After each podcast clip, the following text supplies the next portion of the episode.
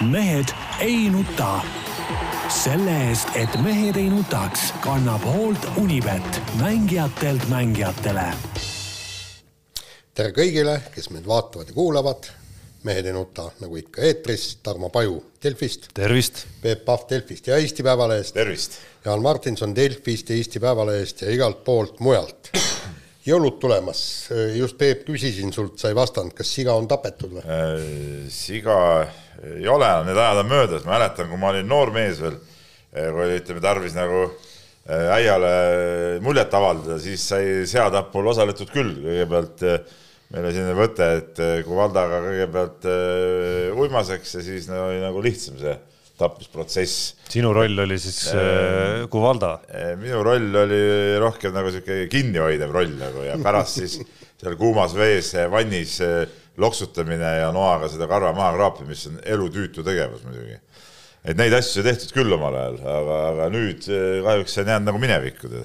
Nagu ma ükskord, ükskord kodus ütlesin äh, prouale, et, et võiks võiks selle eh, liikuva kanakuudi osta, et, et siis saame tõsta ühest kohast teise, vaata rataste peal niimoodi. koroona ajal see, ma saan aru, sai väga popiks. kana, kanad said otsa lausa nendelt. aga kuidagi nagu ei ole see ka nüüd nagu, nagu ei leidnud nagu heakskiitu kuidagi millegipärast ja, ja, ja jäi, no, siis tuleb ka. sea peale minna ikkagi, kui kanad ei sobinud kuule ja no, liikuv. sul on seal ruumi küll aias. liikuv eh, sigala, sigala, miks ka mitte. naabrid ka rõõmustavad kindlasti aga Peep, tundub, et äh, sa äial ikka muljet avaldasid, et no. Äh, andis ikkagi kuule, su tütre sulle. kuule, mis asja, sa, tänapäeva noored äh, sureks ära, kui nad peaks kõik selle läbi tegema, mis ma pidin tegema. jumal, kus ma käisin, pidin selle heina hanguma seal ööd ja päevad ja lõpuks said käed nii läbi, et kõrgemale ei jaksanudki tõsta, kui need niimoodi natukene liikusid veel. no see oli niimoodi, et käisin päevatööl ära, eks ole, õhtul siis sinna kohe kõmm. mingi vana kass viiskümmend kaks oli sellega põllule siis hangusime seal heinad peale, üles lakka jälle uuesti, kuniks siis kaste maha tuli vastu hommikut, siis lõpetasime ära, kaks tundi und, rooli ja minema, tead. seal niimoodi panime kuu aega järjest, kõik see käsitsi tehtud, kõik see äh, heinakogus, eks ole, tead, noh metsik värk, no praegu no, keegi ei kujuta seda. vaata, mida, mida ikkagi nagu sugutung siis, teeb. ei muidugi, ei, aga, aga... No, ja siis lubati nagu vaata, kuna noh, ma seal ikka rassisin seal öö, poole ööni, no siis võis nagu jääda vaikselt juba sinna öösiks ka tead ja noh, ega see niimoodi asi värk hakkaski. ja ütleme, et tänapäeval need tütred jäävadki ju mehele minemata, sellepärast et noh, tänapäeva noored ei pea kõike selle vastu ju. sul on mingi programm, ma saan aru, on küpseb sul ikkagi. ükskord saab mehele. aga sul on ikkagi küpseb programm mis asja, kui mina pidin nii palju vaeva nägema, mis siis mingisugune, mingisugune äh, noor mingi lõnkam tuleb niisama sinna, ei ole, küll ma tööd leian seal, tead noh. no sul on aega, noh, mingisugune äh, aastaid ju ei, seal on, kümmekond ja rohkem. seal et... planeerib, mida on tarvis ehitada, mida on vaja lammutada, et noh. et, et selle sea sa jõuad võtta veel näiteks no,. seda ka muidugi. no seaga on vähe tege, tegemist, seda rokka jääb ikka kuskilt järgi ja aga vot see heinatöö käsitsi, vot see on nagu tõsine töö no aga sa saad endale mingi mõne hektari kuskil äh, Eestimaa kaugemas nurgas näiteks soetada no,. saata, saata selle, saata, saata need väimehe kandidaadid kõik sinna ikkagi vikatiga äh, peavad selle heina lihtsalt kohale tooma ilma ja, motoriseeritud see... abita. ei no muidugi, et võtavad hangu otsa, siis tulevad niimoodi paar kilomeetrit hoiavad seda püsti, peaks saama käed püsti niimoodi hanguga hoida, vot. nii ma tahtsin veel lisada nii palju, et õnnestus eelmisel nädalal teisel poolel eh, käia ühel väikesel eh, minireisil Lõuna-Eestis. õnnestus väisata Tehvandi suusarada, kus on kaks ja pool kilomeetrit suudetud kunstlumest kokku panna ja nagu muud ei tahtnudki, kui lihtsalt ahetada, et eh, et see suusavärk on ikka äge värk. mul on väike jumala eest, et see nagu välja ei sureks kuidagimoodi, et müts maha selle, nende kõikide ees, kes on nii pika raja ja korraliku raja ikkagi seal nagu püsti saanud, et et see esimene ring küll üle pika-pika aja oli selles mõttes nagu füüsilises mõttes muidugi raske, et erinevalt jooksust ei anna seal nagu tõusudel väga reguleerida, kui sa üles tahad tõusust saada, siis siis noh, tuleb natukene vaeva näha ja pulss, pulss ka läheb kiiremaks. aga sa võid sammuda rahulikult. no ei, see kuidagi nagu põhimõte kuidagi. sinul on see jälle, sa nagu mõistuspäraselt ja see, kuidas ta räägib, kuidas ta jooksmas käib, kuidas ta. ei, ma ammu enam ei käi metsas, niimoodi. mingeid isiklikke rekordeid, eks ole, no see ei ole ka nagu. ei no Peep, sa räägid asjadest, mis ei ole enam üldse niimoodi aga olid niimoodi? aga see lihtsalt see, lihtsalt see nauding, olgu see tõusul, rääkimata sellest laskumisest suusastaadionile Tehvandil, et no see oli ikka vägev värk. mul on ka väike plaan. Minge kõik, kes satute sinna. suusad alla panna kuskil, võib-olla isegi sinna Tehvandile korraks sõita, et ega see pole, mis Eesti nii väike, et see sutt sinna ja ära sõita selle tagasi, et et võiks proovida küll. suusad on ilusti olemas kotis ja ainult alla, kas määrasid ka enne või? ei määrinud, polnud seal vaja midagi, täitsa sai ilma hakkama, et kui tuleb püsivamalt äh, võimalust, küll ma siis ära määrin. ilma pidamiseta siis või? Mis seal seal vabas stiilis pidamist vaja veel. vabas, kuule õige suusatamine. Kuule, lõpeta ära oma klassikaga. sa ei oskagi suusatada sa Ei olegi vaja seda osata. Püha püss. Peep, no tule ikka kaasaega, uisusammu tahtsid. tule. kaasaega, Peep. Kundes Vaan tegi seda juba kaheksakümnendatel. ei no aga klassika. sa oled ikka kinni jäänud sinna, sinna kusagile. oot-oot-oot, kuule, klassikadistantsid on praegudki olümpia. no ongi kinni jäädud kuskile veel, see vanasse väga aega. ilus on see pikk no. siuke samm. korvpallis sa ei viska vabaviskeid alt ju, leivanaist. miks? miks me ei või? ma ei õpetanud oma hoolealustele seda või? ma ei ole näinud Keila sa korvpallureid. pole, me ei mängigi. ma olen piisavalt näinud, et teada, et ükski mängija ei viska leivanaist. aga keelatud see ei ole no keelatud ei ole, aga sa ei õpeta miski. aga, aga huvitav, see ongi. miskipärast õpetad ikka nagu sellist aga, asja. aga miks tänapäeval õpetate? kas kas see alt äh, vise on ebatäpsem või? ei no see on küsimus sulle, minult ei ei, küsi. ma mõtlengi, praegu tekkis siuke mõte, et miks ei õpetata seda. no ma jään ootama seda mängu, anna, anna ette märku, kus ikkagi on revolutsioon toimunud eh, Keila korvpalliklubi Ei, no kuule, hoolealuste seas. kui, kui siin äh, Janar Tatsid ja mehed viskasid lauapõrkest vabaviskeid, no miks siis ei või alt visata? no ma räägingi, et tee ära, mitte ära räägi ainult. on, on nagu vanad asjad au sees või ei ole? jah, on. või on ainult jutus? nii no hea jutt, hea mees, kes räägibki nagu öeldakse. ei ole nii või? ei, Peep. kuule, aga paneme nüüd spordiga edasi, et mis see ei olnud sport või? ei on. Klassikastiil. absoluutne üldfüüsiline ettevalmistus No. no.. vaata, tänapäeva sportlased oleks palju tugevamad, kui nad teeksid kogu aeg maatööd, see on nagu, see on nagu fakt, eks ole. Margus Sund, Gerd Kanter, Värnik, ma ei tea, kuidas kuidas temal Jah. oli, eks. ikka kõik on, kõik on maatöö pealt kõik on maa- töö pealt tulnud,, sellest praegu polegi. Heiki Nabi, jah, nii, aga lähme Nii. siis nüüd tippspordi juurde Lähme tippspordi juurde, no kuivõrd tippsport see on, et äh, Kalev Cramo äh, kohustuslikus korras äh, krooniti Eesti tšempioniks äh, ja ei, oot, oot, oot, oot. või Eesti kariks, karikavõitja. ei, ei, ei oota nüüd, ei olnud, ei olnud Eesti karikavõitja, superkarik. superkarikavõitja. oo, noh, teine asi kohe see. on hoopis, no see on hoopis midagi nagu päris täpne olla, et Allar Levandi nüüd ka rõõmu teeb. Pahv, superkarikavõitja. nii, aga vastane oli, super, mitte karikas, ma ei oska seda ütelda, mis vahe seal on? nii, üllatuslikult väga suur vahe, aga okei okay,, las ta jääda. jah, üllatuslikult oli finaali vastane, nagu ma saan aru, Rakvere Tarvas just üllatuslikult, aga, aga mul tekkis kogu selle karika peale äh, küsimus, ma vaatasin, kui Rakvere Tarva vennad olid ikka äh, erakordselt happy'd ja kõik ta-ta-ta, kõik nii, aga mis maksab karikavõistlustel teine koht, mitte midagi. hõbemedal. no see, ei ole, karikavõitja on ainult üks, kõik, sa oled karika kaotaja. no Mart Poom sai ka Champions League'i hõbemedali kunagi, no jaa, aga noh, siis sa olid küll väga happy. ei olnud noh, kuidas ei olnud? ei olnud, ainult võit on tähtis. aga räägi nüüd, no on siis mingisugunegi lootus, et Kalev Cramo ei tule Eesti meistriks ei, või, või Äh, siis okei., või siis äh, äh, räägi, et, et praegu on ikkagi äh, mäng käib, põnev mäng käib selle peale, kes on Kes saab finaali Kalevi finaali vastu. vastu, jah. No- no,. mäng käib nagu selle peale, kellest saab finaalis Kalevi peksupoiss, okei okay,, see, et eh, Kalev Cramo on kaks mängu Eesti eh, tsempionaadil siin kaotanud, korra Rapla, korra Pärnule ja mänginud mõlemaga siin korraga punn punnis, see ei ole muidugi kokkuvõttes mingi näite, selge see, et Kalev Cramole keegi vastu ei saa, eriti nüüd, kui no meeskond on ka nüüd suhteliselt lõpuni ära komplekteeritud. et eh, ja nende mäng ilmselgelt läheb paremaks ja, ja, ja ka seal oli tegelikult näha, et, et Stelmacher seal väga pitsutas ka ütleme selles finaalis, kus vahe oli juba seal kolmkümmend pluss punkti, siis, siis väga-väga tõsiselt võttis seda asja lõpuni välja. ja, ja, ja Kalevile siin selge see, mitte mingit vastast Eestis ei ole ja ma nüüd ootan väga, et nüüd tuleb veel enne, enne uusaastat eh, tuleb ju neil VTB mäng ka, küll kahjuks väljas, aga noh, me vast selle mingi spordiportaali kaudu siin näeme seda.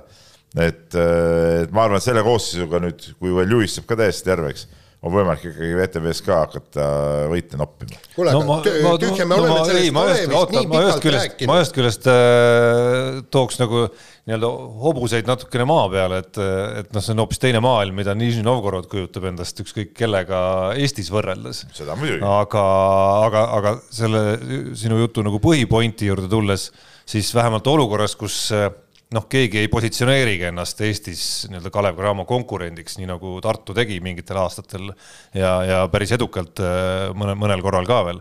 et noh, sellistel aastatel ma pigem tahakski näha Kalev Cramo nagu domineerimist, sest äh, ainult see, kui nad ikkagi käivad siin Eesti satsidest üle nagu korralikul kombel, annab nagu viiteid selles osas, et, et nad on ikkagi rahvusvahelisel VTB areenil konkurentsivõimelised siis nende hoopis teisest klassist Venemaa satside vastu ja no nüüd veel tuleb ju neil. pigem mul mind on nagu kurvastanud, no nagu ühest küljest nagu noh, pärnakate leerist nii-öelda nagu rõõmustanud nagu nende üle on ju, aga teisest küljest nagu kurvastanud ikkagi, kui kui Kalev Cramo, noh, okei okay,, libastumiskaotusi tuleb ette, aga, aga eriti need, kus ka pärast neid kaotusi ei ole kuidagi võetud kokku ennast ja taotud sedasama Pärnut järgmises mängus nagu maa alla korralikult, eelmisel nädalal ju nad mängisid uuesti ja, ja poolajal olid ikka päris korralikult hädas näiteks. ja olid hädas ja, ja aga eks, eks ütleme, Kalevil ei olnud võib-olla kõige paremad ajad ka, aga nüüd lisaks neil ju lisandub äh, serblasest äh, tagamängija ka, keda me veel näinud ei ole, aga kes nad peaks, võiks ju olla ka nagu ikkagi abiks ja, ja, ja kui ma räägin, kui Lewis saab ka terveks, et siis, siis Kalev ikkagi noh, siin ei ole nagu kellelgi mingit varianti, et et äh, see oli ka huvitav, kuidas ütleme, see Pärnu suhteliselt äh, kiire auku kukkumine pärast neid Kaleviga häid mänge, et see, kuidas nad mängisid seal Rakveres, noh, Tarvele kaotus, noh, see oli ju täitsa suht käsitlematu, see, kuidas nad mängisid äh, pronksi mängus Tallinna Kaleviga teist poolaega, noh, ka täiesti käsitlematu tegelikult, no ütleme sellisel tasemel, sellisel tasemel mehed ei tohiks nagu niisugust ebakindlust üles näidata, aga noh, nagu Veiko Rannulaga ma rääkisin ka pärast, pärast seda pronksi mängu, ta ütles ka, et noh, et et ilmselt äh, on mingisugune vaimne ja füüsiline väsimus praegu peal, et, et tegelikult äh, see puhkus tuleb neile kasuks, et äh, noh, jah, et, et et Pärnu on ikkagi jätkuvalt, ma arvan, number, number kaks võistkond, vaatamata sellele, et nad seal sellele Tarvele, Tarvele kaotasid. aga no Tarvele mul on hea meel, Tarvas on ikka tõeline karikavõistkond ja, ja Juris Umbrasko ise on nagu tõeline karikamängude mees, eks ole, et ma seal artiklis ka esmaspäeval meenutasin, kuidas nad, kui Umbrasko ise mängis Eh, võitsid kunagi poolfinaalis eh, Kalev Cramot ja lõpuks tulid karikavõitjaks vist, äkki Raplat võitsid finaalis või, või oli TTÜ-d, ma ei mäleta enam. ja kaks aastat hiljem ka poolfinaalis jälle Kalev Cramot võitsid, tõsi, see oli tookord see mäng, kui Kalev mängis vist kaks mängu ühe päevaga.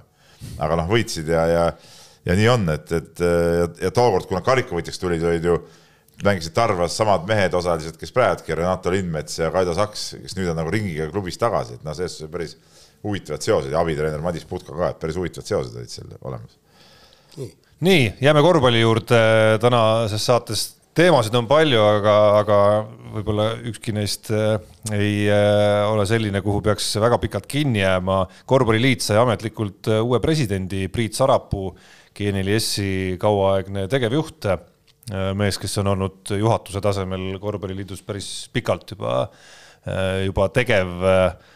kas midagi muutub? põhiküsimus kuigi justkui aimdub, et raske, raske seda näha, kuna tegemist on ikkagi nagu sellesama praegugi ja senini juba päris aastaid alaliidu juhatuses olnud äh, seltskonna liikmega. no ma tegin, tegin Priit Sarapuuga siukest pikema intervjuu ja ega sealt nüüd väga palju siukseid uusi asju nagu selle põhjal tulemas ei ole, et. no küsimus on, kas peakski midagi tingimata no, muutuma? no midagi ikka peaks ja noh, ainuke asi, mida ma nüüd ootan, vähemalt mis sõnades ta väljendas on see, et alaliit peaks muutuma rohkem eh, klubide teenindajaks ja mida, mida ongi üks alaliit, ongi klubide teenindaja, eks ole, et, et praegu on, on alaliit olnud eh, korvpallis küll liiga palju jõupositsioonil klubide suhtes ja, ja, ja mingit oma, oma asja peale surunud, aga tegelikult nad ei ole ju noh, nad ei ole tegelikult selleks nagu seatud, nende asi on nagu teenindada, korraldada tšempionaate, neid asju.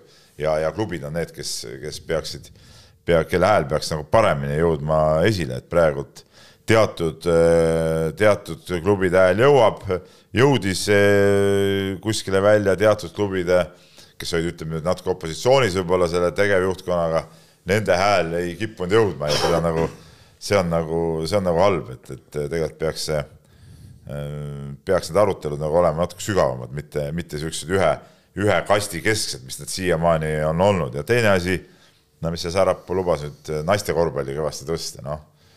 et kindlasti vajalik asi, aga see võtab, võtab kauem aega, et selle, selle tulemusi me ei näe kindlasti siin ütleme ühe-kahe-kolme aastaga, vaid see on ikkagi pikem projekt, et kogu see hakkab väikestest tüdrukutest peale aga sealt tekkiski küsimus, et, et ka, kas on olemas mingisugune konkreetne plaan ja kõik, kuidas selle naiste korvpalli taaskord üles tõsta, Nad hakkavad seda plaani praegu koostama alles. jah, sellepärast, et seal on, seal on keeruline, vaata ma saan aru, et, et naiste jalgpall on eh, jubedalt juba peale tunginud, eks. On päris kõvasti peale tungimas, jah. just, aga, aga jalgpalli on noh, minu meelest ikkagi natukene lihtsam harrastada, sellepärast et palju on neid saaliaegu ja kui sa, kui sa nüüd mõtled enda eh, Keila eh, korvpallikooli peale ja, ja on tüdrukute korvpall olemas, ega ei, on küll olemas, aga, aga, aga kui nüüd tul-, tahate võtta juurde neid gruppe kõik, et kas nad mahuvad sinna ära, vot siin tekib jällegi küsimus, just see, et, et nüüd hakkab, vaata, me ju ehitame igasuguseid jalgpalliväljakuid ja jalgpalli sisehalle, nüüd tuleb öö, varsti hetk, kui me peaksime hakkama nüüd ka neid võimlaid ja, ja saale ehitama. ja selles suhtes tuline õigus ja no ma siin saan nagu Keila koha pealt öelda, et müts maha Keila linnaisade ees, et äh, uus saal ehk siis kolmas saal nii-öelda Keila linna on, on praegu ehitamisel ja, ja noh, see on küll algkooli juurde sinna, noh, see on vajalik kooli jaoks ka, aga, aga, aga me saame seal mingeid trenni asju ka tänu sellele laiemalt teha, et, et noh, tuleb leida need ajad, nagu midagi pääsu pole. noh. just ja, ja, ja et nagu kõik need igasugused suvalised harrastajad tuleb, tuleb välja lüüa ja kõik need ajad peavad ikkagi jääma nendele, kes ütleme, teevad noorte, noortesporti ja, ja, ja siis ütleme ikkagi tulemussporti. no jaa, aga, aga No mis, mis need harrastajad siis peaksid tegema? ikkagi, ei ole või? no harrastajad, palun väga, kell kakskümmend kaks null null, kakskümmend kolm null null. ei, mis puh. Ei, ei, ei, ütlen- nüüd, Jaan, Karl- oota, ole nüüd, kus. ma olin Peterburis poistega turniiril ja elasime siis siukse spordikompleks, olümpiareservi keskus, nagu need kõik on seal. Oli Kossu saal, oli jäähall ja jäähalli peal oli meil siis eh, elamine. ja, ja, ja ma seal vaatasin seda jäähalli kasutuskava. nii, viimane trenn algas ja see oli harrastaja trenn, oli eh, null null, null null. esimene trenn algas viis kolmkümmend ja harrastajate ajad olid kõik päeval olid kogu aeg lasteaiatrennid Ja., harrastajad tulid alles peale üheksat ja olid hommikul vara. kõik millele see eelkõige viitab, on lihtsalt karjuvad äh, aegade puudused ja saalide see puudused., et kui sa tahad mängida, siis sa lähed sel ajal mängima. Ei, ei, Peep, ma saan aru, ma lihtsalt tahtsin öelda, et tal on karm. et mingisugune Tarmo Paju või sinu või minusugune käib ja tuiab seal mööda platsi ringi, mine jookse metsas tead, tee kiirkõndi, vaat kiirkõnd on üks siuke hea asi. Tõmbad seal siuke kaheksa, kolmkümmend kilomeeter tead, rõõmsalt äh, värskes õhus, mis sa selles tolmuses saalis seal pallis patsutad tead, seal ei ole mingit mõtet, las, las noored tegelevad nende Peep, asjadega. kuule, aga siin on tegelikult üks kummaline vastuolu. kiirkõnd ei ole sport, Peep, aga ärme sinna mine. kümne aasta pärast, Tarmo, laulad teist laulu. jah, ja kui üldse kõndida suudad. nii, aga tegelikult siin kummaline vastuolu on ju see, et eks me räägime kogu aeg, et, et noored teevad vähem sporti, nende tervis muutub kehvemaks, kõik nii, eks, aga, aga kui me vaatame, kui palju need tegelikult need saalid on igal pool täis, noh, väljakud on täis, et noh, teil juba tuleb ju, nagu sa ütlesid, kolmas võimla ka ja vaevalt, et see tühjaks jääb, eks. Tühjaks ei mingil juhul. jah, no siis selgub, et tegelikult ikka trenni tehakse.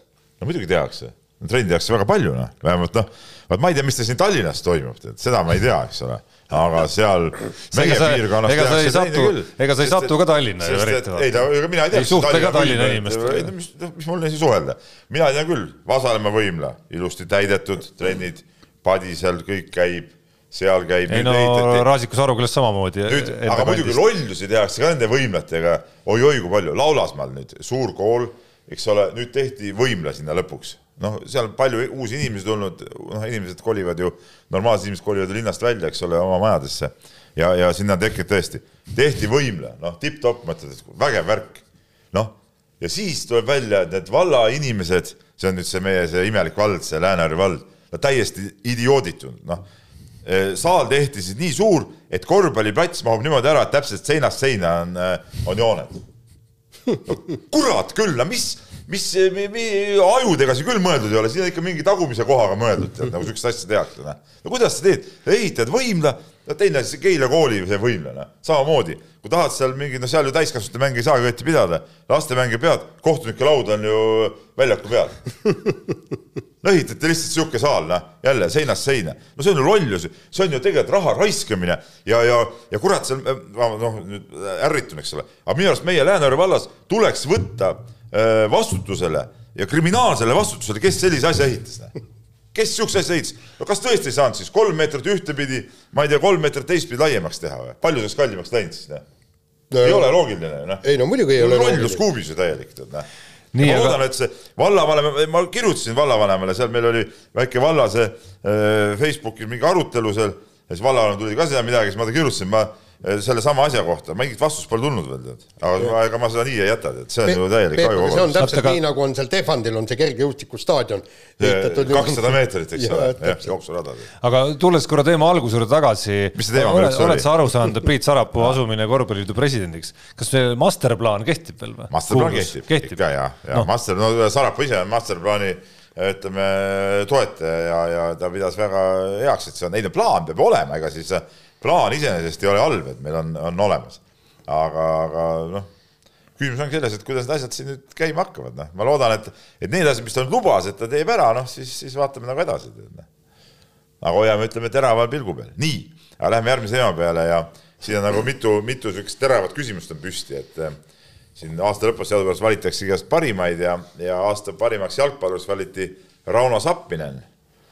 ja siin on tekkinud küsimus, et miks selleks ei saanud Ragnar Klavan, nagu näiteks minu vanem noor reporter Madis Kalvet eh, valis just nagu Klaavani ja sai siin palju pahameelt, meil oli ka toimetuse sees, ütleme, lasin seletuskirja kirjutada ja seletuskiri on mul ilusti olemas kõik, et, et miks nii, et noh. siis kes pidi nüüd seletama? Kalvet pidi seletama, et miks ta andis hääle Klaavanile. just, jah, ja ta Kellele tegi seda ilusas. no mulle pidi seletama, ei, miks? ja ma tahtsin teada, miks ta andis Klaavanile aga kellele oleks pidanud andma, Sappinenile või? no,. ei, ma tahtsin nagu seletust, see tundus nagu aa, sa lihtsalt tahtsid seletust. sellepärast, et tundus, et Klaavanile andmine ei olnud nagu õige sel hooajal. miks? kõige parim? kõrgemal tasemel äh, mängiv Eesti jalgpallur oota,. kuule, Tarmo, vot see tekkiski, vaata Jah. meil, meil tekkis seal diskussioon, mi, miks me siis üldse valime parimat, määrame selle, vaatame, kes mängib kõige kõrgemal tasemel. ja, ja kui kõrgel tema klubi on, ongi kõik, pole ei no noh ide,, ideaalvariandis on sul ühel hetkel üks mees Itaalia liigas, teine Hispaania liigas, kolmas Inglise liigas. aga kes siis kõrgemal kohal on, ja siis sa hakkad, ei no siis sa hakkad võrdlema, kes reaalselt on, kui palju mänginud, kuidas panustanud oma meeskonna edusse, kus see meeskond asub turniiri tabelis. no kõiki selliseid asju on ju. aga hetkel ju ütleme noh, need kaks võrreldavat meest mängivad lihtsalt nii erinevates oota, universumides. oota, rahu nüüd, nii, sa räägid siin ka, Kalvet hakkas ka siukest umbluud ajama, eks, ma küsisin kohe, Dunjov, kaheksa mängu Itaalia selles äh, kõrgliigas samamoodi. kas sa panid ta teisele kohale siis selle eest või? ei pannud. no just, kus see loogika siis on? no oleks võinud panna. Oota, vot, vot, aga see on mu küsimus. seletuskiri kohe, ja, ja aga Tarmo, nüüd teine, teine küsimus on ju see, eks, et tõsi, seal natuke Donjovi ja Klaavani vahel nagu erisust on Ei, siiski okei,, et üks on saanud selliseid noormängija minuteid ikkagi. ta on alustanud algkoosseisus ka. jaa, aga noh, need on olnud sellised Sander ikkagi- Raiestelikud alustamised Okei, natukene, lihtsalt selle ikkagi- vahega, et jalgpallis sa ei vaheta meest välja ja. ikkagi, aga ta mängib Itaalia ja eh, Enam ei mängi. Mängis, ütleme seal, ütleme nii, aga eh, Sappinen ei mänginud ju. sest selle loogika järgi, kui me võtame selle liiga järgi, siis peaks olema, siin pole mingit küsimust. ja aga teine asi, üks mees säras, säras kõikide silme all ja mis kõige tähtsam, no vaata, seal oligi see ei no see, ei no üks argument, ma saan aru, on selge, et üks äh, esindas koondist ja teine ei esindanud, on ju, vot see on, see on, ma arvan, üks, aga seda, ega seda nagu nii-öelda põhjendustena nagu keegi ei tahtnud väga otsesõnu ka välja öelda, kui ma olen lugenud neid jalgpalliajakirjanike põhjendusi, et et keegi oleks läinud otse ütlema, et Ragnar Klavan, sa ikka äh, nii-öelda vilets vana oled ikkagi, et oled koondisele selja keeranud. ja Tarmo, aga, aga kui nüüd Klaavan tuleks ka koondisse ja mängiks Eesti koondise ees, vaata, me räägime, et, et kes on parem. kas sa oled kindel, et ta on Sappinenist ikka nii kõvasti üle, et, et sinu silm seda märkab ja kõik seda aru saavad? no esiteks nad mängivad loomulikult hoopis erinevatel positsioonidel No, no,, esiteks. just. aga, aga noh, teiseks, kas sa, kas Rauno Sappinen äh, oleks Itaalia kõrgliga klubis praegu nagu nii-öelda regulaarse mänguaja mees, ma tea. julgeks kahelda tea selles. aga ma ütlen veelkord, et noh, et selge see, et maksab, ütleme, kui me valime, kui me räägime parima valimisest, eks ole, siis maksab ka emotsioon. noh, see ei ole nagu kuiv sihuke värk nagu noh, ja see, mina oleks. no ma ei tea, mis emotsiooni see jalgpallikoondis meile siis pakkus nüüd aasta no,. jooksul. Sappinen ju värav, minule pakkus küll äh, korraliku elamuse. koduliigas kõmmutas ta muidugi võrgud täis. ei, oli, oli, oli, oli jah, aga noh, koondise aasta tervikuna ma ei saa öelda, et oli mingi tohutu ägeda emotsiooni aasta. lihtsalt äh, lihtsalt mina oleksin äh, puht emotsiooni pealt pannud ka Zappinen esimeseks, aga ei. meil tuleb, meil oli toimetuse sees, meil oli just ka ütleme kaks leeri, ütleme noor reporter, ütleme, kuidas ma ütlen siis, noor-noor reporter siis, et kõik sassi läheks Leheste. pani just Zappinen esimeseks ja, ja ka temal tuli teha seletuskiri selle kohta ja need loomulikult leiavad siis, ka lugejad saavad neid lugeda varsti. on ta ikka nii palju noorem Madisest, ma ei ole kindel. Ta natuke on aga.... ei, selles suhtes nad on meie silmis, et kui päris noor reporter on Roosna, eks ole, siis on noh, on erinevad need. erinevad kategooriad. ja, ja no tegelikult, kui me räägime parimaks valimist, siis tegelikult palju poleemikat tekitas ka kergejõustiklaste eh, parimaks valimine, et millegipärast. põhjendatult. Tiidrek Nurme, aga nüüd on põhjendatud jah Tiidrek Nurme valiti ei, parimaks no,. poleemika mõlemal juhul on põhjendatud. ja, ja Rasmus Mägi sai siis aasta sooritaja tiitli, eks ole. no ma ei, mis mõttes nüüd on põhjendatud, ma tahaks mõlema otsuse vastu protestida. miks, kelle sa oleksid pannud? Rasmus Mägi. miks? no kuule, lähedus maailma tipule ja tõestamine ka reaalsetel võistlustel on ju ilmselge.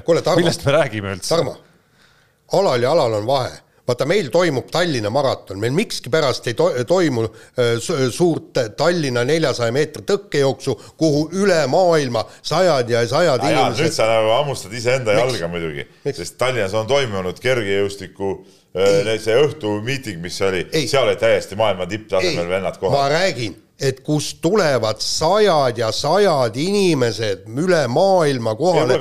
Ja... kas sa tahad nüüd öelda, et Indrek Nurme on tasemelt eh, parem atleet kui Rasmus Mägi või? ei, ma, ma ei taha seda öelda, aga ma tahan seda öelda, et, et maratonijooks on maailmas ikka nagu on, ja, ja aga ta on ka selles mõttes väga, väga, väga tubli jooksja, väga, väga eh, tore mees ja kõik, aga ütleme, kui me räägime nüüd sellest vaidlusest, eks ole, no üldse niisugune parim valimine, subjektiivne muidugi aga no ütleme, kui me vaatame nüüd nagu nende tasemete järgi, siis ikkagi paratamatult Mägi on kõrgemal, no midagi, midagi. no mitte lihtsalt nagu jällegi. natuke kõrgemal, vaid no väga selgelt kõrgemal ikkagi mees, kes konkureerib seal võib-olla heal päeval ikkagi päris kõrge koha eest Joo, maailma tipptasemel. ma olen teile, teile. ja need alad ei ole nüüd nagu nii ja, öö ja, ja päev. täpselt võrdsed olümpiaalad, täpselt mõlemad. jooksuala ei ole kindlasti marginaalne ala, Jaan kui me räägiksin eh, tõepoolest, no ütleme, mis on kergejõustik, mingi marginaalsed alad, võib-olla seal, ma ei tea, mingi kuulitõuge või, või, või kettaheide, mis ei ole nagu ütleme, siuksed no mingi, mitte midagi erilist, eks ole, aga, aga kui me räägime. ei no ei ole need ka kuidagimoodi need no, eh, teisejärgulised no,. ei, kui me räägime kergejõustikualadest. aga jällegi. et see rase, et see maraton on selles mõttes natuke ka üle müstifitseeritud, et jah, on nagu rahvaspordina muidugi, keegi ei hakka ju tõkkeid jooksma harrastussportlasena, see on ju loomulik, on ju. aga miks mitte? no kuule. miks ka mitte, jah. no täpselt no., miks mitte. absurd ju. mis absurd? kuule, meil oli ju, kes, kes see jooksis meil toimetuses, spordireporter see ta Eesti medaleid ju võitis. aa, see oli see, Birkan jah ja. No, ta oli ka harrastaja. ei no aga noh, selge, no selge, et see ei ole nagu harrastusspordiala. sa isegi oled muuseas ajakirjanike kümnevõistluses üle tõkete kapsanud nagu ka mina. no olen küll, ükskord isegi kolme sammuga sain hakkama sellega. siis sa olid, siis, siis ta oli tõesti noor veel enam ta ei saaks kolme sammuga hakkama. aga, aga teine asi ongi see, et, et siis me jätame. no jumal hoidku. kuigi ta püstitab metsas kogu aeg isiklikke rekordeid oma jooksuringil. ja aga, aga, aga siis, siis tulebki ju see, et, et lõpetame ära selle valimise. miks me küsime inimestelt, et kes on parem panemegi täpselt tulemused, kui me räägime, et, et Rasmus Mägi peab esimene olema, eks ta on äh, kaks korda teemalt liigal äh, parim olnud, miks me küsime inimestelt, kes on parim, määramegi ta ei no aastad paremaks. on ju jällegi sama, jõuame samasse kohta, aastad on ju erinevad ja, ei, ja aga, ei, on aastaid, kus on sul kaks medalivõitjat või kolm medalivõitjat kõrvuti, mida siis võrrelda, okay, kus saad võrrelda emotsiooni, kus saad võrrelda arengut. üks aasta pandigi ju Äh, pandigi ju äh, valesti, ütleme, kui Mägi edestas äh, Kanterit, eks ole. noh, kuigi neil olid nagu tegelikult Kanter oli seal mingi aasta isegi nagu üks tulemus oli nagu parem, eks ole, võrreldes ja. Mägiga ja, ja tegelikult ikkagi tema. kas ja, ei olnud seal, seal olümpia-aastal, kui Kanter oli vist oli. kas ta äh, EM-il ei saanud mitte medalit? jaa, aga no ma räägin, te räägite aastatest, kus jah. võrreldakse omavahel ala teist ja kolmandat või mingeid selliseid mehi, et noh, siin lihtsalt Rasmus Mägi ja, ja Tiidrek Nurme ja lihtsalt Rasmus Mägi ja Tiidrek Nurme vahe on nagu noh, oluliselt suurem, kui võrrelda hõbedat ja pronksi ja aga, seda, kuidas pronksi mees kõik... emotsiooni mõttes kuidagi oli nagu, pakkus rohkem ja üllatas ja nii edasi. kõik, kes tahavad teada, kuidas see otsus sündis, eks see otsuse mehhanismi kirjutas Märt Roosna eile meil väga täpselt lahti, nii et, et soovitan sealt lugeda noh, mingit sohki ei olnud ja, ja, ja palju õnne Tiidrek ei, palju õnne Tiidrek Nurmele loomulikult ja lihtsalt äh, Nurmest tuleb meil täna saatest Nurmest tuleb saatest juttu ja selles kontekstis, mis näitab veel kord ja eriti, kui kõva mehega tegemist on ja selles ei ole üldse küsimus, lihtsalt äge on vaielda nendel teemadel natuke. nii, lähme edasi. nii, Eesti, vot jällegi ei saa öelda, kas Eesti läbi aegade parim tennisist, aga üks parimaid tennisiste, Jürgen Zopp lõpetas karjääri Eesti Päevalehe ajakirjanikuga äh, ühes äh, nii-öelda söögiasutuses kohvi juues. Ja aga mitte tulede ja viledega, äh, nagu tegelikult oleks, oleks eeldanud, et Eesti Tenniseliit oleks ikka pidanud Jürgen Zoppi lahkumise minu meelest väärikamalt no, välja käima. siin nagu mitte pehme latti maha ajamine oleks nagu, on nagu pehmelt öeldud, minu arust siin nagu ütleme, latt tambiti muda sisse täiesti. mis te nüüd madaldate, minu arust Eesti Päevalehe intervjuu on väga auväärt koht, kus teatada oma lahkumisest. see kõik on tore ja Gunnarit viis pluss intervjuu, aga, aga tegelikult loomulikult alaliit ei saa sellist asja endale lubada, noh, väärikas alaliit. et see on nagu, see järjekordselt välja tenniseliidul on mingi kummaline käitumismuster, võtame kõik see Kaia Kanepiga toimuv triangel, mis on olnud ja, ja nüüd see Sopi asi sinna, sinna otsa, noh no see on nagu käsitamatu. tähendab, öelda nüüd, et ma ilmselt ütlen, et nad ei teadnud või mida iganes, kuule tennise alaliit, see ju ringkondades pidi ju levima, see info, eks ole, et ta lõpetab, kui ta ju rääkisime intervjuus ka, kuidas ta äh, oli ju rääkinud seda oma toetajatele ja nii ja naa no kuule, see oleks tulnud kohe kiirelt eh, ja suurelt ära teha, see on selge. kuule, mees on ikkagi olnud esisaja mängija, tennise esisaja mängija on ikkagi päris eh, kõva saavutus. no ja absoluutselt. Eh, suure slam'i turniiril jõudnud seal, mis tal seal kolmandasse, kolmandasse ringi, jah ja. ja.. et noh, kuule, noh, see ei ole mingi nali. ja ütleme niimoodi, et, et tema on ikkagi, need viimane kümnend on seda Eesti mees, meestennist ju tassinud. üksinda, üksinda hoidnud, ega me rohkem tennisist ei no ega ta ongi sisuliselt ju no, pärast Andres Võsandit äh, ainus sisuliselt, kes on ikkagi mingil sellisel tasemel mänginud. no ei, ainus, ainus, siin ei ole mingit täiendsõna vaja juurde pannagi. ja, ja, ja, ja nüüd ma tahaks näha, eks selge see, et, et Kaia Kanepi karjäär ei kesta ka. Öö, äh, väga kaua enam ja nüüd ma tahaks, tahaks teada, et, et kas siis Gunnar Leeste ja, ja Kaia istuvad ka kohvi, kohvi juues maha ja siis Kaia teatab oma karjääri lõpetamist või seal käitub mina loodan küll, et nii, nii saab olema, omakasupüüdlik. nojah, seda kindlasti. no ma ikkagi vaatan suuremat pilti kui sina, ma ei lo-, ma loodan küll, et see nii ei lähe. no, noh seda kõike on võimalik teha veel, selles mõttes, et Jürgen Zopp, äh, ma usun, konteksti vaadates äh, väärib kindlasti ka mingisugust. hooaja lõpetamine väärib..., tennised hooaja lõpetamine ära, kas seda ei saanud sellega siduda või? no tuleb eraldi üritus, ma loodan no, ja, ja kusjuures äh, Kaia Kanepi puhul ma tahan seda öelda, et, et seal peaks tegelikult, see ei ole ainult Tenniseliidu asi, sellepärast et tema on ikkagi Eesti spordilegend no,. see on EOK muidugi, see on jah, et see, see on ikkagi natuke kõrgemal tasemel kui palju ta on me, meie publikule pakkunud nende aastate jooksul? esialgu ta veel ei ole lõpetanud, nii et esialgu ei ole, nii et see on võib-olla kolme-nelja aasta pärast, nii. nii, aga no, natukene ralli juttu ka. tahan Jaani siin uhmerdada nüüd miks? Jari-Matti Latvala, Toyota tiimiboss väga,. väga-väga värk, väga vägev värk ja ütleme nii, ma arvan, absoluutselt õige valik, huvitav valik. kindlasti mitte. aga ma arvan, et täiesti õige valik, et kindlasti mitte. et Jaani-sugune, ütleme, lühinägelik eh, võib öelda, et et ta ei saa hakkama midagi, aga minu silmis Jari-Marti Latvala on WRC sarja üks kõige suurtemate teadmistega mees, vaieldamatult, ta tunneb ja. kõiki rallisid eh, peensusteni, eh, ta tunneb eh, seda kogu rallisüsteemi peensusteni ja, ja selles suhtes tema teadmistega mees tiimi bossina, ma arvan, et võiks saada väga hästi hakkama. Peep ta tõesti võib, nagu, nagu me ütleme, et, et seda näitab aeg, kui hea tiimil no, sa tegid tema maha ju, sa tegi, ütlesid, et ta ei ole üldse mingi mees. ei, ma ütlesin, et ta saab hakkama siis, kui äh, ta lubab igal äh, nii-öelda äh, alabossil ehk siis peamehaanikul ja, ja spordidirektoril oma tööd teha ja väga palju sinna ei sekku. aga mis siis, mis siis tiimijuhi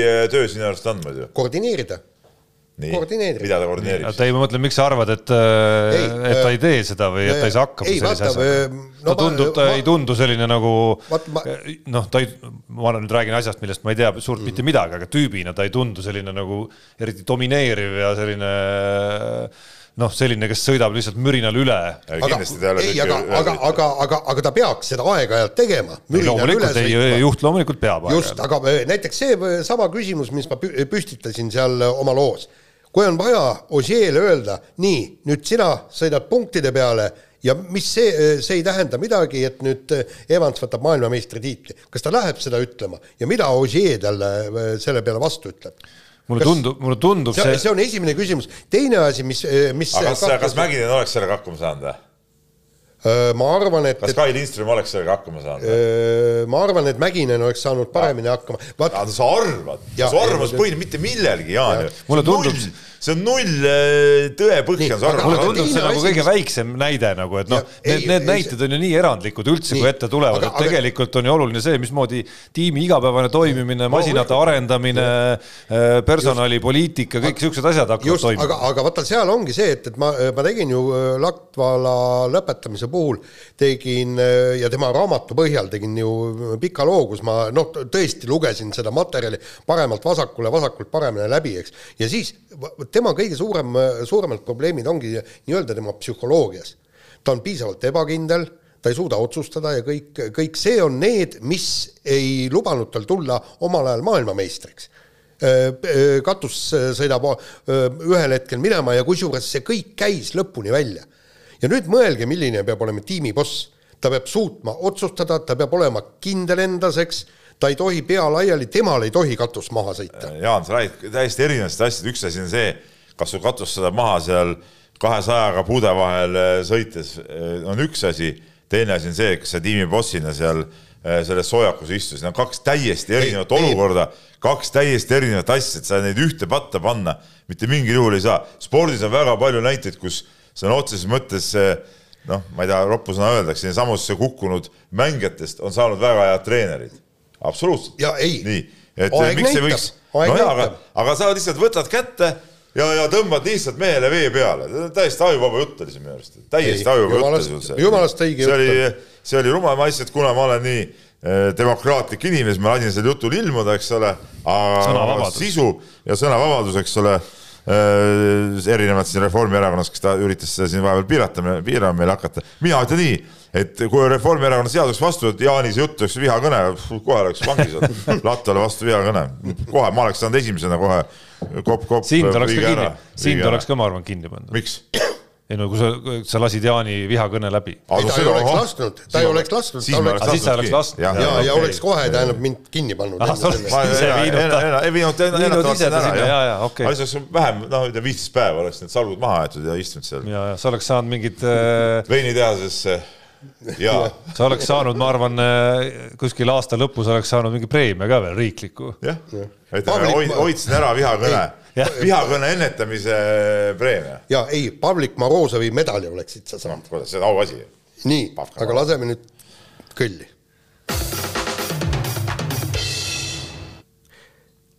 nii, jätkame saadet kiire vahemäng, vahemänguga ja tuleme taas Tiidrek Nurme juurde tagasi ja äh, ta on kõva mees, vaata, eks ole, te siin vaidlete vastu.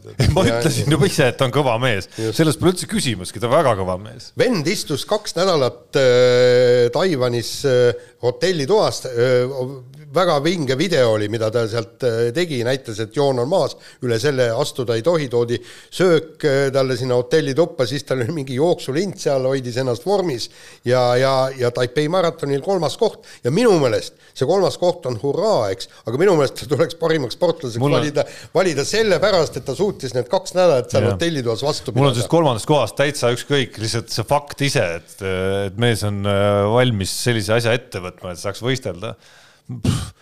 No ma olen ka proovinud, tahtmata üldse nagu võrrelda nüüd seda samust seda samusega jooksulindil jooksmist ja ütleme kusagil nagu hiljemalt kolmekümnenda minuti juures saab selgeks, et see on nagu maailma kõige nürim asi. see on ülim asi. mismoodi. ma pole kunagi aru saanud, kuidas inimesed käivad jõusaalis seal et- lindi peal ja jooksmas et. isegi talvel vihma ja mingite asjadega olen ma sellest jah. loobunud ja läinud õue pigem, kui jooksutuhin on peal aga- aga- et aga, aga mees, kes on nagu kaks nädalat suutnud ühes toas istudes, ma ei tea, mitu tundi päevas ta seal lindi peal siis uhas, et äh, müts maha aga. selles suhtes muidugi Tarmo, ütleme, sa lasid enda lati praegu ikkagi jälle, jälle paar meetrit allapoole. et sul on nagu eh, siis ütleme, Eesti maratonari poodiumi kohast on üks Ei, ei, ma ta- ei, mul ei ole- näitab, näitab jälle sinu kui spordisõbra nagu taset. ei, ei ära sa, siin jälle huvitavad need, ütleme siuksed kõrvalised, ütleme natuke, ütleme nagu kollaka maiguga detailid, mitte nagu see päris sport sa hakkad, sa hakkad nagu valest asjast kinni minu arust praegu lihtsalt, et kui ta oleks ka neljandaks, viiendaks või kuuendaks tulnud, oleks ta olnud ikkagi ülikõva aga, aga vend. selle kõige kõrval see, et ta tuli poodiumile, näitab nagu veel kõvemat asja, mitte et see ükspuha. vastupidi, me elasime kõik kaasa, tundsime rõõmu ja ikkagi esikolmik koht on kõva asi. ja Nurme on kõva. nii, no mütsid tuleb tegelikult maha võtta ka meie mitmevõistlejate eest, David Tšernjavski, Risto Lillemets, Mari Klaup, kes käisid siis Reunioni saarel päris veidral ajal mitmevõistlejate jaoks võistlemas ja, ja said ka väga kenasti hakkama. absoluutselt eh, siia kirjutatud küsimus õige tegu, ma ei tea, kas sina, Jaan või sina. loomulikult Jaan kes see ei on ole ikka, jah. absoluutselt õige tegu. no eh, Eesti sportlased on tuntud kogu aeg, et oih, ma siin, ma see jätan vahele siin võistluse, ma siin valmistun mingisuguseks, ma ei tea, mis umbluuks, eks ole, selleks, tolleks olümpiaks, ma ei tea, kahekümne viie aasta pärast toimuvaks MM-iks kuskil. Ja ma ei võistle, ma teen ainult siin trenni ja leban, eks ole. aga mehed ja, ja, ja, ja ka eks ole, naine siis, Mari Klaup, kena tütarlaps, võttis kätte, läksid võistlema, väga õige värk, noh. veel rohkem oleks pidanud seda minema, kui oleks saanud peale keegi. Ja- ma ei saa nagu aru, et see aasta oli ju võistluse mõttes, okei okay,, mitmevõistlejad ikkagi said siin mõned eh, jõuproovid teha, aga oli selline, kus ei saanudki ju, ju võistelda, tead näe. just, miks, miks meie need, ütleme, ülejäänud kõvad vennad ei, ei võinud minna, kas see oleks kuidagi halvasti mõjunud või? ja, ja teine asi oli see, et, et selge see, ma ütlen vahele, selge on ju see, et ebatõenäoline on see, et mingit suurt sisehooaega siin nüüd tuleb, milleks, milleks usu. MM on juba ära jäetud, noh, EM võib-olla tuleb, võib-olla ei tule, vaadates kogu seda trianglit, mis siin toimub, mina küll ei usu, et siin midagi tuleb kergejõustik Mine- on sisetingimustes veel päris sihuke vastik asi, mida koroona ajal nagu teha, eks ole. mine ja võistle, sa tee normaalne kümp, kuule, kui, kui Maier, Maier käis võistlemas, eks ole, tead noh, miks siis, miks siis meie ässad ei või minna, tead noh. ja selles suhtes võtan Maieril oli ikkagi pragmaatiline põhjus ka, tal oli norm vaja täis teha. ja, aga noh, ta oleks võinud selle ka ju kevadel kuskil teha, tead noh, Mhm. et see ei olnud ju kokkuvõttes nii hull asi, aga öö, võtan küll Tšernjavski ja Lillemetsa ja Mari Klaubi ees mütsi maha, tulemused ka täitsa korralikud ju. Asi- kaheksa tuhat punkti jumala tipp-topp. Ja- ja- ja teine- Mari Klaup kuus tuhat tipp-topp, Lillemets mõni punn alla kaheksa tuhande, täiesti tasus ja teine, teine asi, kui sa, kui sa ei taha äh, kogu seda kümnevõistlust teha oma praeguse vormi järgi, nii et veri ninast väljas, siis, siis teedki mõned alad, võtad natukene rahulikumalt, aga teed nagu nii-öelda kümnevõistluse sees üksikalasid, eks ju ja. mis on, mis on parim treening? võistlemine. Võistlus on alati parim treening, see on ju selge. see on ju vana, vana sõna, ütleme nii.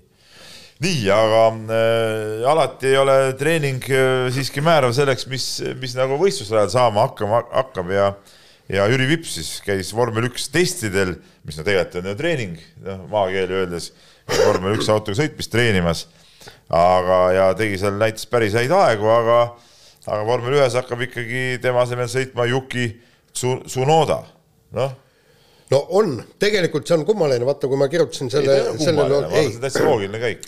Öö, tegelikult on mehed täpselt võrdsed, nad on tegelikult või, võitnud öö, samades sarjades sama, samasid kohti üsnagi.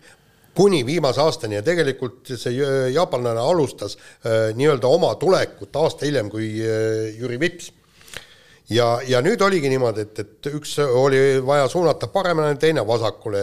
Vips suunati siis Jaapani sarja, koroona tõttu Jaapanisse ei pääsenud, Tsunoda öö, F2 sarja, mis koroonaga, isegi koroona tingimustes toimus, sõitis seal väga hästi, kokkuvõttes kolmas koht ja põmm, tema ongi vormel ühes järgmine aasta noh, järelikult ju loogiline, et, et niipidi läks praegu. jah, aga, aga mul on öö, kogu aeg küsimus, et kui oleks teistpidi visatud, et Jüri Vips F2 ja jaapanlane sinna, kas see oleks meie mees siis öö, no kui ta oleks äh, sama hästi sõitnud, siis võib-olla oleks saanud, jah. noh, selle nagu nii-öelda üllatuse nii-öelda minu arust, minu arust elimineeribki see, et noh, sa ei saa neid nagu ringi tõsta, et kui oleks nii ja kui ja. oleks naa, et kui. Tsunoda sõitis selle F2 sarja Just. äh, läbi, läbi hooaja täiesti korralikult kokkuvõttes kolmanda kohaga, siis, siis noh, temal on see kogemus käes, temal on see asi ette näidatud, tema on selle ära teinud ja tema saab selle võimaluse. just, ja, ja nüüd ta nii-öelda lõpuspurdiga rühkis Jüri Vipsist mööda, Jüri Vipsil on järgmine aasta võimalus sealsamas F2-s öö, näidata, mis mees ta tegelikult on ja, ja noh, kui läheb hästi, äkki pääseb ka F1-te. nii, aga võtame järgmise teema ja laskesuusatajaid abistav triatloni ja jalgrattatreener Karmen Reinpõld andis teada, et äh, elu näitab, et kui hakkame tegema äh, midagi uut, anname, anname uue ärritaja organismile ja kehale, siis tihti ei taha keha esimese hooga seda vastu võtta, tekib tagasilöök. ja seda ta põhjendas minu meelest väga heas artiklis äh, meie noor reporter Märt, Märt Roosnale päris noor reporter. jah, see on päris Jah. noor reporter ja, ja kusjuures, mis, mis minu jaoks oli muidugi kummastav, oli see, et, et äh, noor, meie noor reporter oli esimene, kes hakkas laskesuusa nii-öelda uuelt treenerilt ehk siis analüütikult või mis iganes ta on, küsima, et kuulge, mis toimub.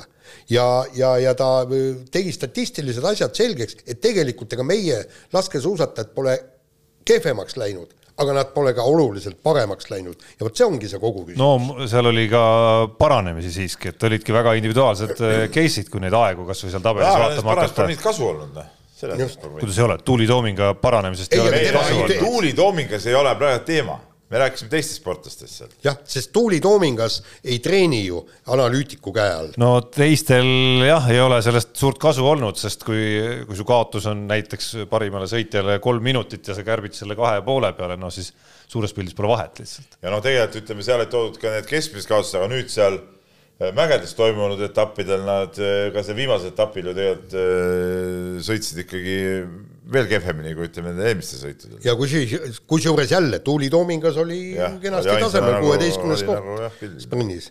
jah, et, et selles mõttes noh, eks küsimusi tekitab, aga, ei aga no kuule, nagu- võtame, kas, võtame kas või Kadri Lehtla, eks ole, siin kiitsime teda ka korra, kui ta sai nüüd sinna koondise tagasi, aga noh, null trahvi ja isegi jälitussõitu. jah, aga nagu graafik näitab, on sõidutempo natukene No lihtsalt no,, no, lihtsalt ei ole vahet, kas kolm või kaks ja pool minutit, seal ei ole suures pildis vahet lihtsalt noh. kuni sa ei ole ikkagi nagu nu- nulliga nii-öelda nagu kuuekümne hulgas, noh siis, siis väga suurt vahet ei ole. nagu ja mis, mis taseme näitas see kuuekümne No- no- noh, midagigi. seda ei saa tead üldse võtta ja see, et seal nüüd on mingid need. Ei no sõltub, kellest me räägime, eks ole, ka. punktid on antud seal neile ka, et, et ei Jah. ole kolmkümmend nagu vanasti, vaid, vaid Nelikümmend. eks ole, noh siis see ei ole ka nagu, need ei ole nagu päris punktid. No sõltub, kellest me räägime ka, kas me räägime mingist noorest lootust andvast, kes äh, teeb, peakski käima nagu sellist jada mööda igal aastal natukene poole minuti kaupa näiteks edasi minema. Siis, noore lootust siis, siis oleks vä- vägagi põhjust teraselt jälgida neid pooleminutilisi hüppeid äh, versus siis sportlane, kes on võib-olla nagunii oma karjääri äh, lõpuosas juba. ja, ja, ja siin tahaks öelda kõikidele nendele treenijatele, kes siin suusatajaid, laskesuusatajaid treenivad, sportlasel ei ole liiga palju aega selleks, et oodata, millal, millal siis hakkab kiiremini see nii-öelda suusasõit tulema. Aga et no- Kadri Lehtal eriti, siin ei ole kaks-kolm aastat aega ja mis siis on, kui kahe-kolme aasta pärast selgub, et, et ongi, ongi sa- siinsamas kohale seisma jäädud, siis kehitatakse õlgu, öeldakse sorry, Vaan, ei õnnestunud, eks. Aga sa tahad öelda, Jaan, et äh, Karmen Reinpõllul ei ole õigus, kui ta ütleb, et äh, need asjad võivadki natukene kohanemist vajada? ei, vaatame. Va- jah, jumala, ütleme. jumala eest, ma loodan, et tal on õigus. tõesti, ma loodan, et tal on õigus. oota, ma tahaks nagu, ma tahan nüüd äh, see viimase kiire vahemängu teemal utsi, nagu Jaani natuke Jälle rihmutada, nagu ikka. et Martin Himma, eks ole, meie suusasprinter või suusataja, MK-sarja punktid, kõva asi ju. On, on kõva asi või? näed, nüüd hakkab jälle, jälle pihta. aga samal ajal selle asemel, et äh, ütleme äh, himmast äh, kirjutada, tema jälgib siin äh, mingeid sportlasi, kes saavad kuuekümnendaid, seitsmekümnendaid kohti ja räägib, et see on palju kõvem asi. saa nüüd sinust aru siis, noh. mis need on siis, Jaan? ei, mitte midagi ei ole on siis kõva või ei ole, noh? no ütleme niimoodi, kui kogu maailm oleks koos olnud, siis ei oleks neid punkte tulnud, väga lihtne. aga kas ei ole mitte nii, et, et kõva on see, kes starti tuli ja nõrk on see, kes starti ei tulnud, tead, noh? no järelikult on, aga ütleme niimoodi, et, et laseme nüüd veidikene veel va-, tead, ma, ma ütlen, ma olen ma olen, ma Kuule, ise- kuule, oota, Peep, kuule. oota. Peep võttis kuule, ma mõtte- olen, ma olen oma, oma ajakirjaniku karjääri jooksul nii palju neid ämbreid kolistanud, kui äh, mäletad, Jens Ei no sa- Salumäe, mis sa sa tegid, eks, ei ka sa ise olen, kolistad, sa oled see aasta ka neid juba kolistanud. Ei no ei, kogu aeg oli ka eile koosolekul arutelu ja tegelikult eh, ikkagi et vanameister Martinson ei suutnud anda nagu ütleme, ütleme sporditoimetuse niimoodi kolleegiumile nagu selget põhjendust, et miks ta nagu seda alahindas, seda tulemust, resultaati. laseme asjal nüüd settida nüüd laseme settida, sõitis välja kuueteistkümnenda resultaadi, eks ole. Seitseteist vist oli, kui päris täpne olla jah, aga resultaadi ja no maailmas ja ei midagi. Peep haaras jah hoiad, et äh, ma isegi juhtisin Peebu tähelepanu esmaspäeval, et et mi- mis sa, Jaan, jamad, et äh, seal selles nii-öelda suusaülevaates oli üks vahepealkiri välja toodud, mis puudutas murdmaasuusatajaid ja see keskendus sellele, et äh, Marko Kilp kaotas leedulasele, mitte sellele, et Ei, Martin see- Himma sai esimest korda Jaan, aga sulle nüüd nii teadmiseks, kõrge koha. sulle nüüd teadmiseks, see märkus oli üldtoimetuse koosolekul ja seal ma muidugi Kaitses rinnaga, meeleheitlikult. äh, viskasin Ja Jaani kaitsele. sa- sa kaitsed meid alati, nii jah. oligi, nii, oli Tarmo oli, oli absoluutselt. nii, põhjendasin, võtsin, vaata, mul on, mul on lihtne, igati, iga, igaks teooriaks mul on oma mingi põhjendus olemas. Ja võtsin tagataskust kohe muuseas seesama, et kolm riiki puudusid, igaüks oleks saanud kuue sportlasega, kaheksateist sportlast pane sinna juurde ja midagi ja pole. tuled suure kolleegi meelest ära ja siis hakkad mind materdama. nii, aga laseme kõlli. aga nii teevadki suured juhid, eks ole.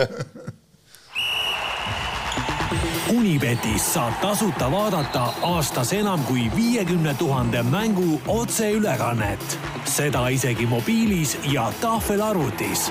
Unibet, mängijatelt mängijatele mulle tuli siin Peebu neid äh, viimaseid äh, lauseid kuulates äh, meelde Alo seriaal, ma ei tea, kas te olete vaadanud? Jaa, Alo seriaali ikka vaatasin, ja seal Alo seriaalis äh, loomulikult äh, kõige ägedam tegelane ei ole Alo, vaid on selle autosalongi äh, juht, keda See, mängib Priit Võigemast ja kes peab oma monolooge seal ja räägib, kuidas, kui kõva juht ta nagu Jah, tegelikult jah, on, et kuidas mõnele on kohe antud, vaata sellist nagu, sellist oskust samamoodi. et sa tunned, tunned nagu nagu hingesugulust. nagu eks ole. rääkinud iseendale. ja, ja, ja, ja et see, mul on tunne, et see, me leidsime tegelikult, oleme leidnud siin tänase päeva jooksul ikkagi selle prototüübi Alo seriaali autosalongi juhi prototüübi tegelikust elust.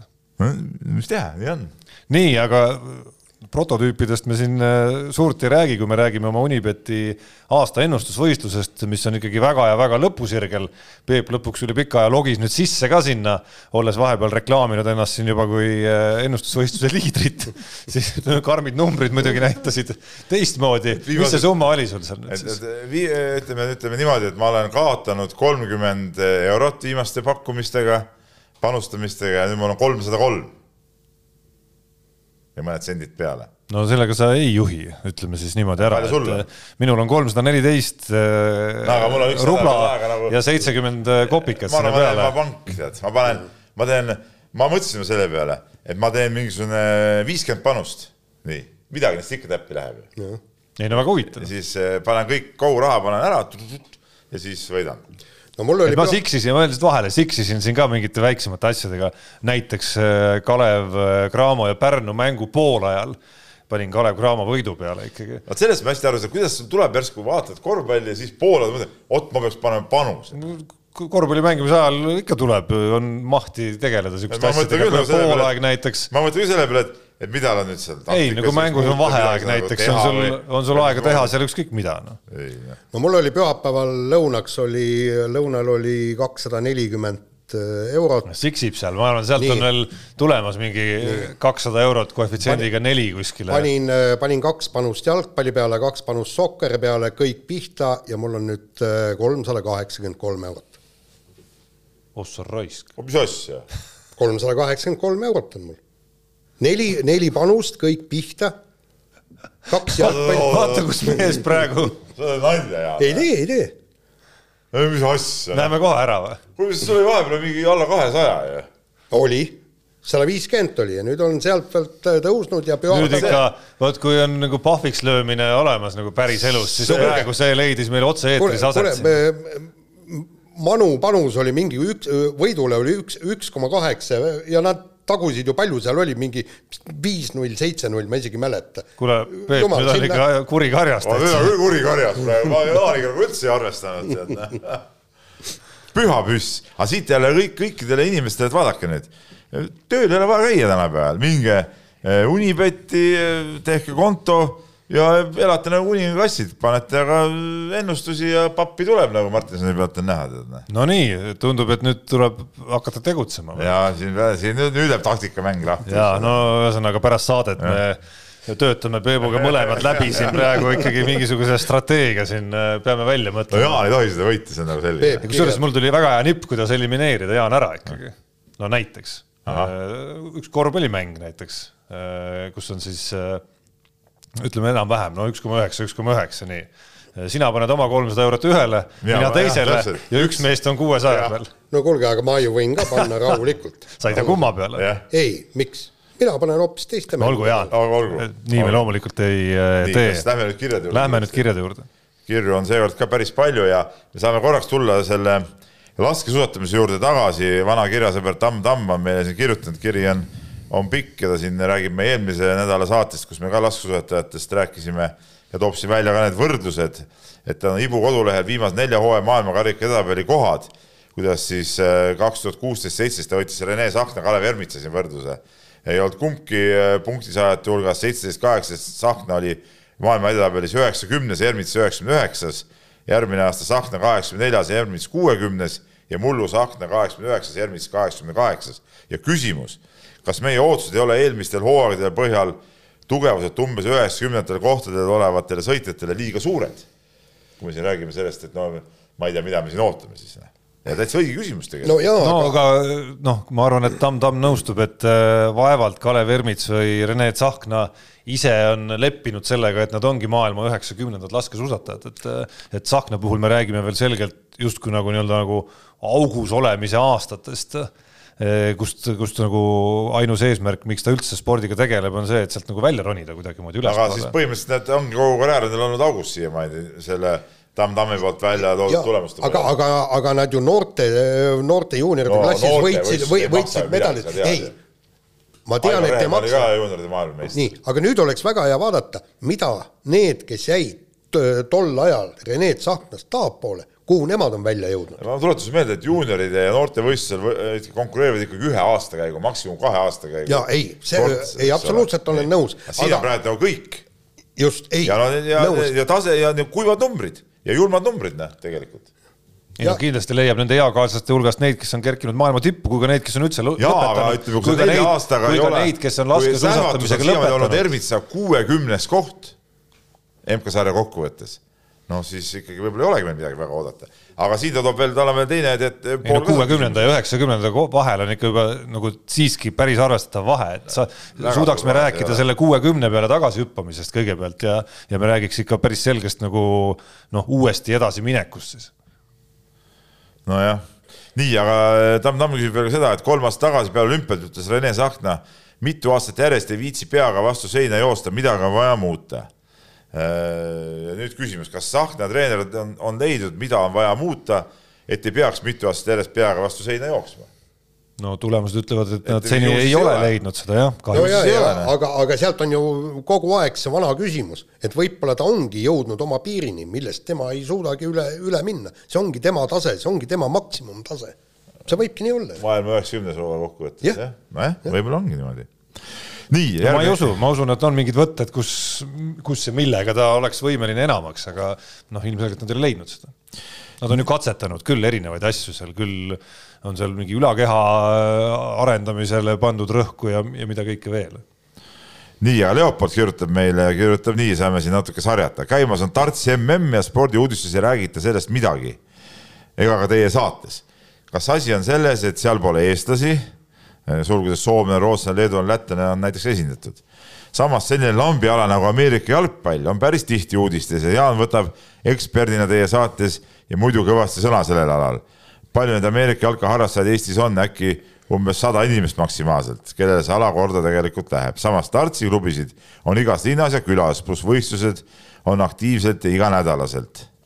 et äh, ütleb veel, et Euroopa mõistes on Tarts ikka kõvasti pildis ja läheb äh, päris paljudele inimestele korda, no et, kes aru ei saanud, siis Tarts tähendab teada nooleviset tegelikult, ütleme maakeeli öeldes. nojah, ütleme niimoodi, et, et kui, kui meil oleks, ma olengi just vaadanud, kui leedulane seal mängib ja kõik, eks, kui meil oleks tõesti oma eestlane ja mängiks äh, suuri turniire ja osaleks MM-il, ma arvan, et täiesti kindlasti jälgiks ja, ja ka kirjutaks sellest. aga ilma, aga ilma selle eestlaseta ikkagi ma arvan, et see on ikka väga nišikas Eestis. see on äh, selles suhtes, ma nagu päris spordiks seda vaieldamatult muidugi ei pea, tähendab. siin on küll ära toodud, et siin aga noh, sa oled nõus, et siis me kirjutaks sellest ja kajastaks seda, kui seal tõesti tipus oleks üks Eesti sportlane.